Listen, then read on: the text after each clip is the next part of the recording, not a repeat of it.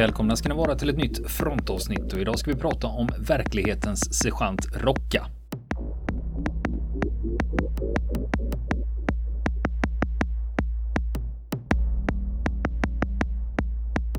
Och nu fortsätter vi berätta historien om verklighetens sergeant Rocka.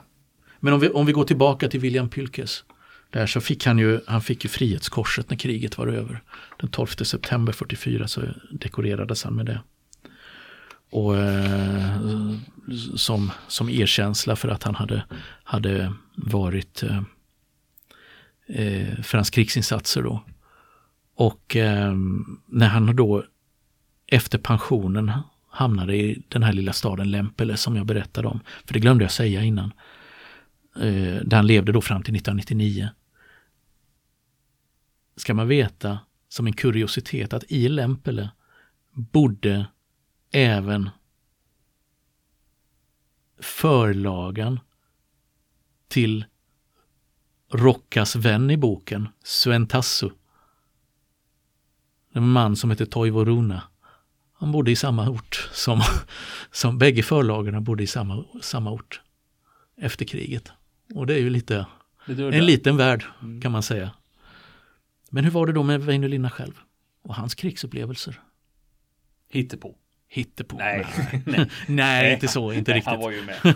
han var ju med. Han, han, var ju, han var ju lite yngre då. Eh, han var ju född 1920 så att han var ju i 20-årsåldern. Eh, lite drygt då när fortsättningskriget började. Eh, och eh, uppväxt i ett fattigt, fattigt hem. Hans far var torpare.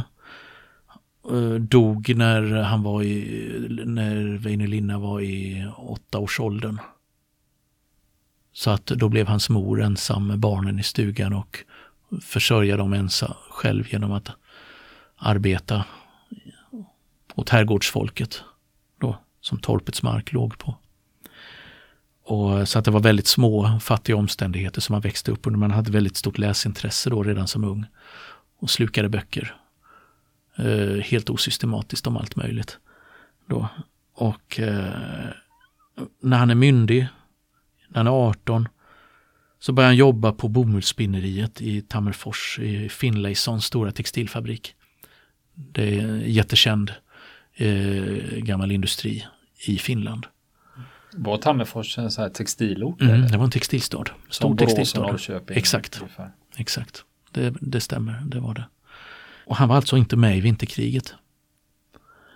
Var han inte. Utan han blev inkallad först efter att vinterkriget var över 1940. Då var det dags för hans årskull. Kallas in till militärtjänst. Han var för ung helt enkelt. Ja, precis. Ansågs han. Eller i alla fall, och han kallas in då och genomgår en underofficersutbildning. I en, eh, på en liten ort som heter Launonen som ligger i Tavastland i södra Finland. Då. Och eh, det spekulerades, han hade väl en egen förklaring till varför han, just han blev uttagen till en sån här eh, underbefälsutbildning. Och, eh, jag hade läst mycket om krig. Stridstaktik i historien, han läst ryska klassikerna då. Och läst om karoliner och, och sådär. Så att, eh, ja, det hör ju till allmänbildningen. Ja, det tillhör ju till allmänbildningen då. Men hur som helst så under, han, han blev ju underbefäl då. Våren 41 så är han korpral och sen några månader senare så utnämns han till undersergeant då, vilket var den lägsta under, underofficersgraden då. Alikersanti som det heter på finländska. På finska. Och han blir instruktör då under utbildningen av nya rekryter. Eh, och det här är ju precis före fortsättningskriget börjar, så det är ju förband som utbildas. De vet inte om det än, men att de utbildas enbart för att de ska skickas till fronten och ut i kriget. Under den här eh, utbildningen av rekryter så utbildar han rekryter från hela Finland med alltså sina lokala egenheter och olika dialekter. Och det har, har jag på något sätt också snappat upp och använt sig av sen då i, i romanen.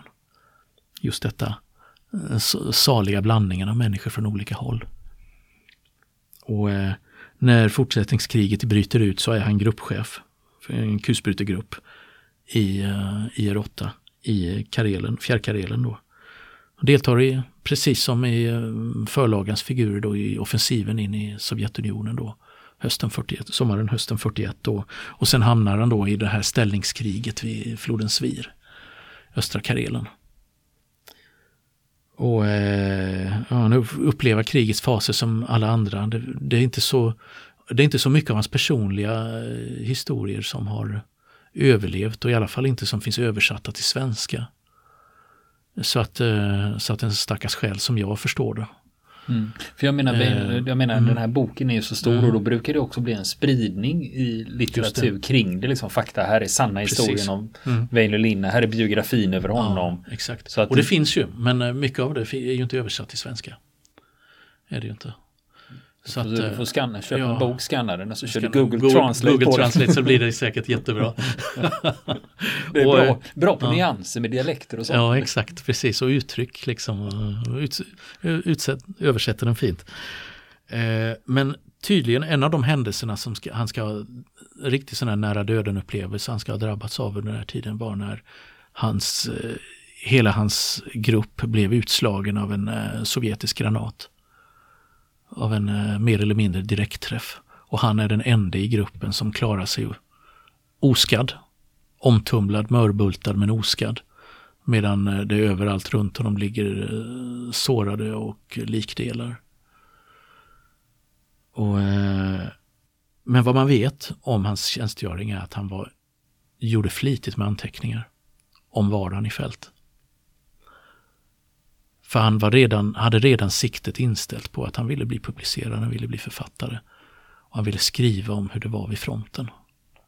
Så att han skrev mycket om sina kamrater och han antecknade mycket och, och, om hur det var, sina intryck och så vidare. Men det var ingen som ville ge ut det. Så att till slut ska han blivit så bitter och sur irriterad på det här så att han ska ha bränt de här anteckningarna. Sägs det. Men ändå så har han inte gett upp den här då idén att skriva, skriva om de vanliga soldaterna då vid fronten.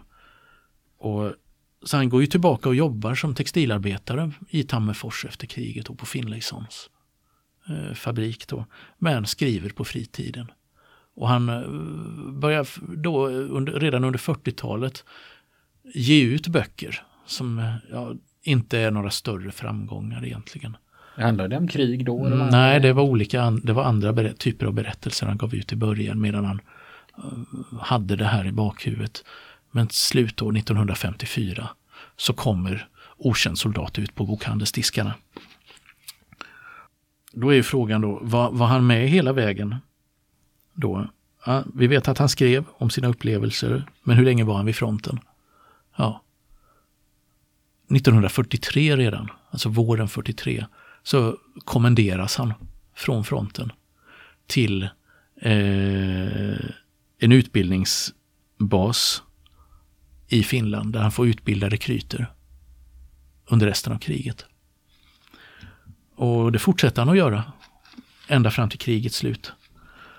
Och eh, på den här då eh, kasernområdet så träffar han faktiskt sin blivande fru då som är Lotta. I, och jobbar där då i en, i en matservering. Kertus Euri heter hon, som han gifte sig sedan med då. När Okänd soldat kom ut 54 då kan han sluta vara knegare och satsa hel, hjärtat på att vara författare. Så han kan säga upp sig och leva på sitt författarskap efter det och resten är historia. När det gäller Väinö Linna då som är en av Finlands, Finlands största författare. Och den här boken då som blev en enorm framgång och som vi sa ett finländskt nationalepos i princip i klass med, med Runebergs Fänrik Stål Ja, för om man ska fråga ja. vilka finska böcker känner mm. du till? Om någon ja. frågar mig det. Mm. Ja, då, då blir det ju Väinö Linna som ja, soldater. Så, så inte så mycket mer. Nej. Men jag kan tänka mig att den här boken också har haft en annan funktion när den väl kom ut. Mm. Och det har vi diskuterat, eh, du och jag, flera gånger. Just det där med veteraners ovilja och prata med familj och omgivning om sina mm. upplevelser. Att där kan det nog vara många som läste den i Finland vid den här tidpunkten. Mm. Och liksom fick ändå en förståelse för vad de här unga grabbarna hade gått igenom och vad de hade upplevt. Ja, precis, precis. Och den blev ju, det blev som en ställföreträdande upplevel, upplevelse där kan man säga. För många. Och man kunde ändå ge en, liksom en ganska sann bild av hur det hade varit. Fast i romanform då fritt berättat. Och det, som jag sa, att det här, det här blev ju en enorm framgång. Det har sålts i hundratusentals exemplar. Okänd soldat. Och eh, det är inte bara i Finland som den blev en succé utan även utomlands och översatts till en massa språk. Det har varit stor försäljningsframgång i resten av Norden. Och ända bort i Frankrike och i, och i de anglosaxiska länderna så har den också getts ut. Och eh, har ju spelat en stor roll liksom då i, eh, som är, betraktas också som en av historiens starkaste krigsskildringar då. I klass med På västfronten intet nytt av Erich Maria Remarque eller De nakna och de döda av Norman Mailer. Så att, eh, ja, som du sa tidigare, du funderade på att läsa om den. Det tycker jag du ska göra. Ja, men det är alltid de här grejerna ja. som, i eh, de sakerna du håller på med. Vi lär, ja. jag lär mig hela ja. tiden nya saker och ser saker på nya sätt. Ja. Och sen också kan det vara väldigt roligt när man läser det nu, när man har läst så mycket annat mm. av den här typen av litteratur och liksom kunna spåra lite. Vad finns det för likheter, vad finns det för skillnader och mm. hur har de mm. hur har de tagit sig an det här? Ja, precis. Och jag läste faktiskt i en, en finländsk tidning om, eh, om eh, Rocka. En annan, som, som är liksom arketypisk, en riktig kultfigur då i, i Finland. Att eh, här vet jag inte sant, men den här journalisten hade uttryckt det som att i andra länder citerar man Shakespeare, här citerar man Rocka. Ja, det är stort. Ja.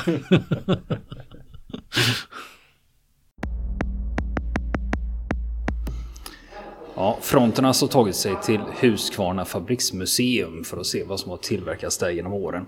Och nu är det ju så med Huskvarna att de har ju tillverkat allt möjligt. Det är ju symaskiner, åkgräsklippare, motorcyklar, cyklar, mopeder och mängder av hushållsföremål. Men eh, de har ändå en eh, vapenavdelning som är intressant att titta på om man tycker sånt är kul. Och det är ju framförallt en jäkla massa studsare av alla möjliga typer. Och de visar även utvecklingen även de har tillverkat här genom åren. Och de har hållit på ganska länge så det är en hel del att titta på. Utöver studsare så är det också en hel del olika typer av hagelvapen.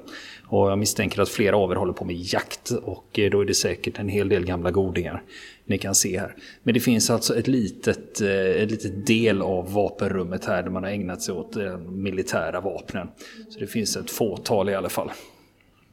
Och bland annat om man då tittar på den militära sidan så har de dels lite gamla en kavalleripistol från 1850 det är en slaglåspistol och den är då tillverkad 1856 vid Huskvarna gevärsfaktori.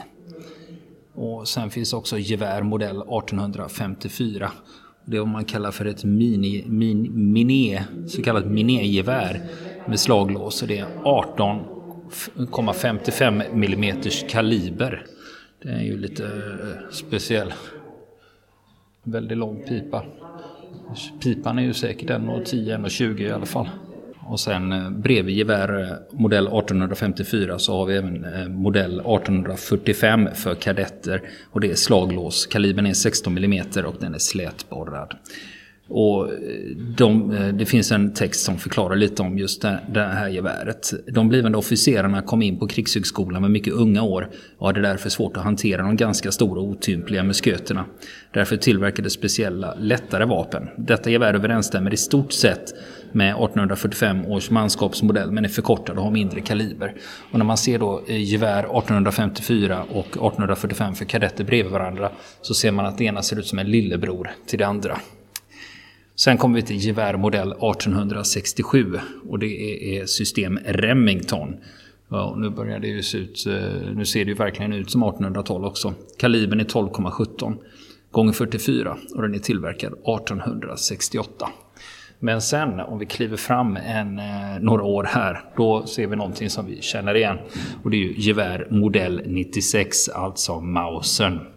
Den har en Mauser-mekanism och i kaliber 6,5 och det är ju många som har kommit i kontakt med gevär modell 96.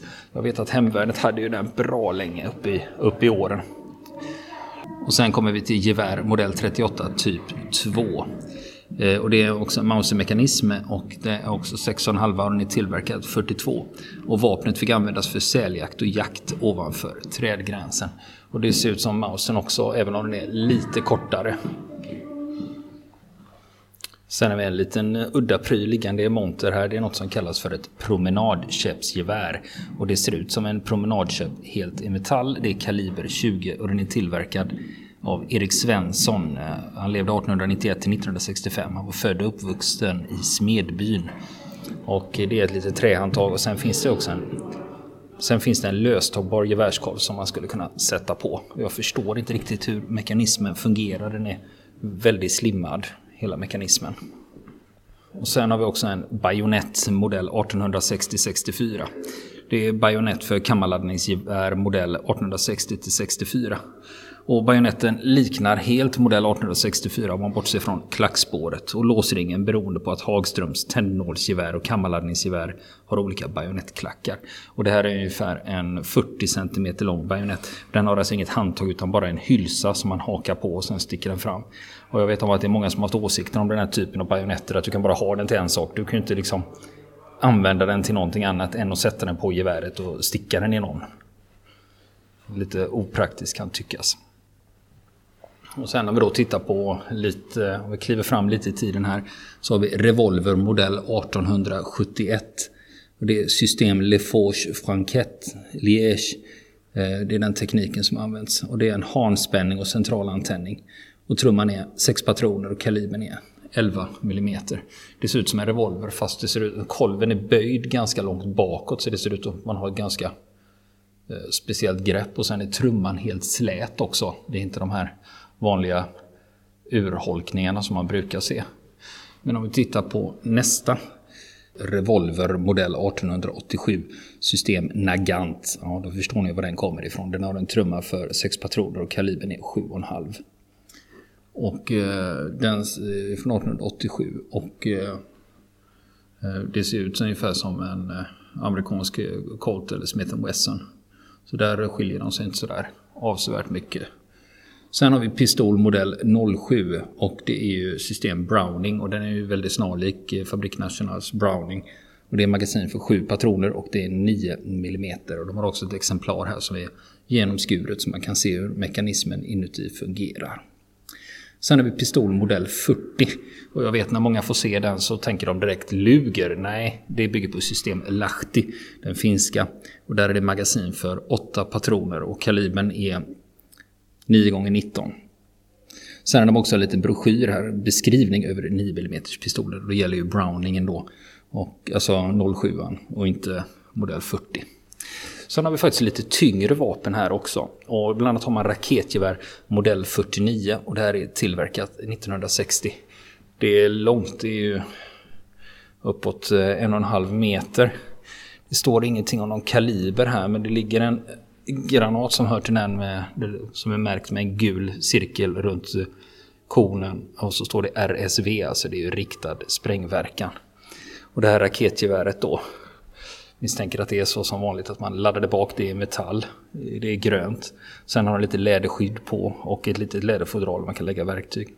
Avtryckaren ser ganska avancerad ut, ser ut som man ska trycka av med två fingrar. Och man har ett eh, bäddat kindstöd i läder, ser ut som en liten läderkudde. Och där är det ett hålsikte.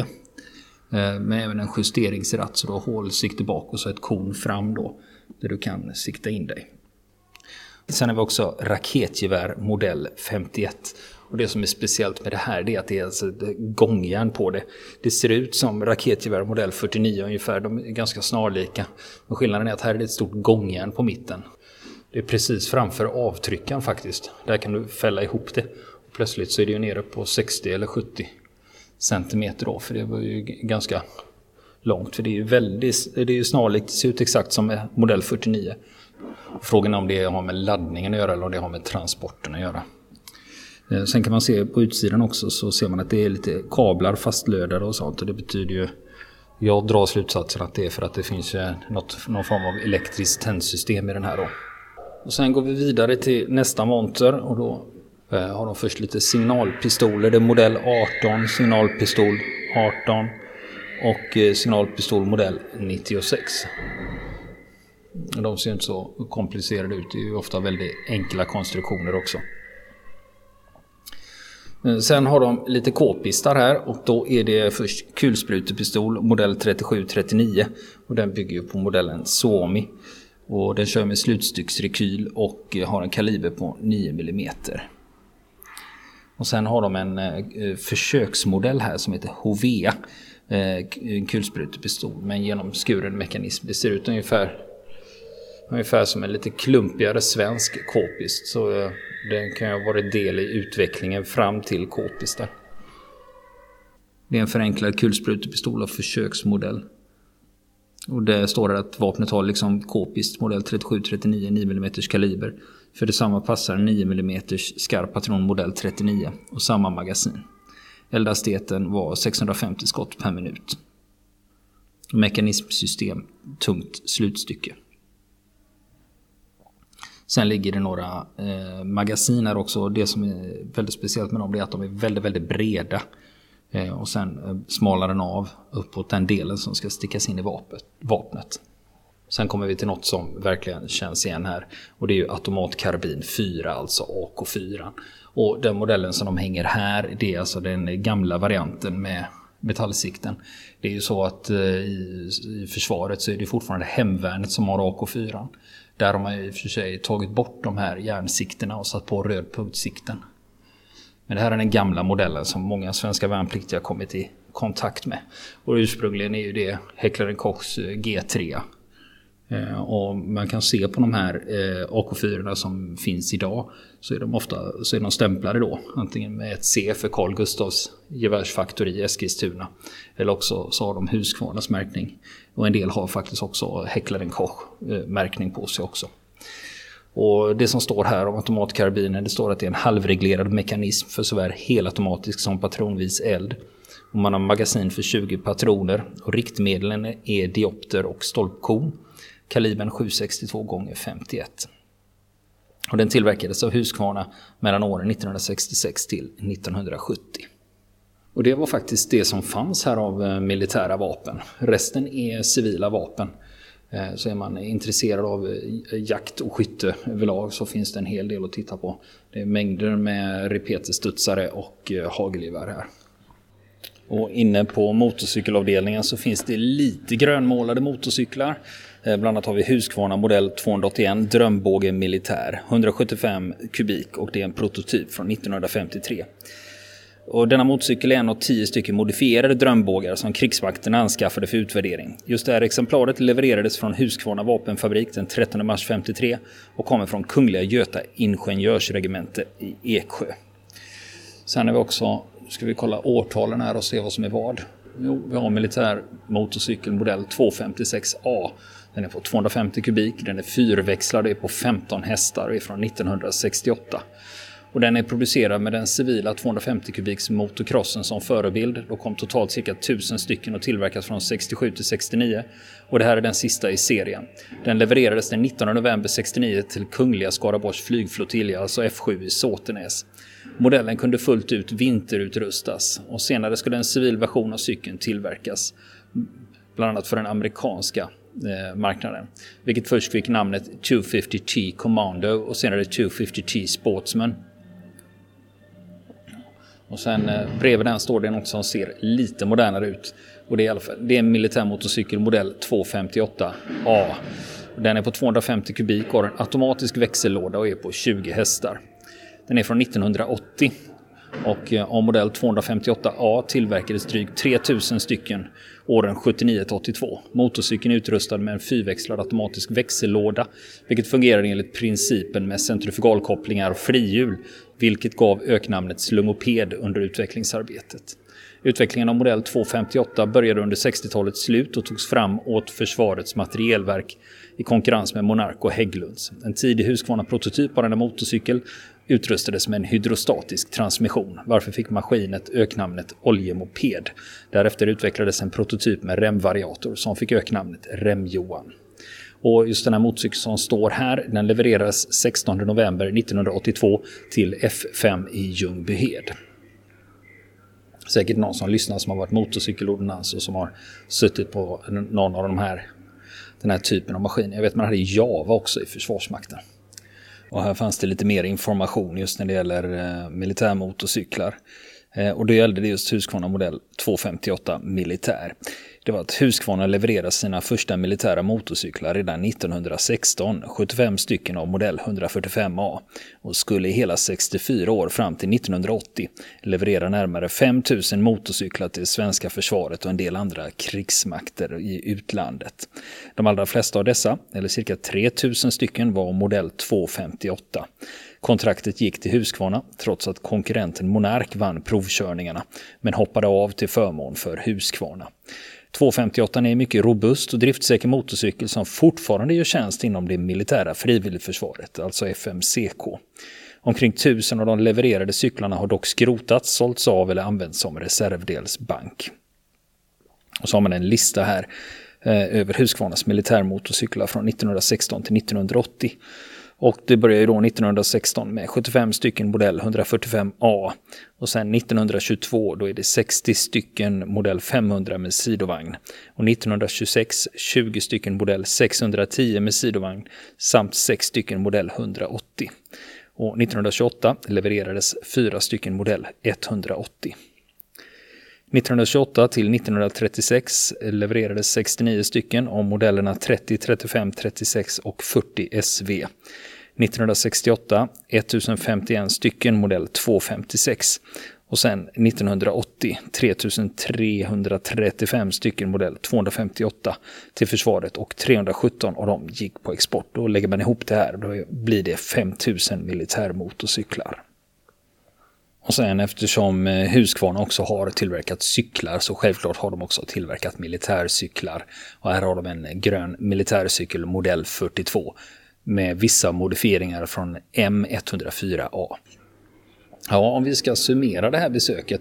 Ja, som möpare så är det väl begränsat med grejer att titta på. Det var lite vapen och så några motorcyklar. Men eh, annars är det ju framförallt resten av samlingarna som kan vara intressanta bara i egenskap av att ha vuxit upp och levt i Sverige. För väldigt mycket av de föremålen man ser här är ju intressanta. Det är ju spisar och allt möjligt som man har kommit i kontakt med. Även en åkgräsklippare jag hade på mitt första sommarjobb har de här. Och eh, framförallt om man är intresserad av gamla motorcyklar så finns det ju hur mycket som helst att hämta här. För här ser det ut som de har en av varje nästan. Det är mängder med motorcyklar och mopeder. Så är man intresserad av det kan det helt klart vara värt ett besök. Vill ni komma i kontakt med oss så kan ni göra det via vår Facebook-sida som heter Fronten. Det är inga problem för er att leta er fram där. Eller också så mejlar ni på vår mejladress och det är frontenpodcastgmail.com.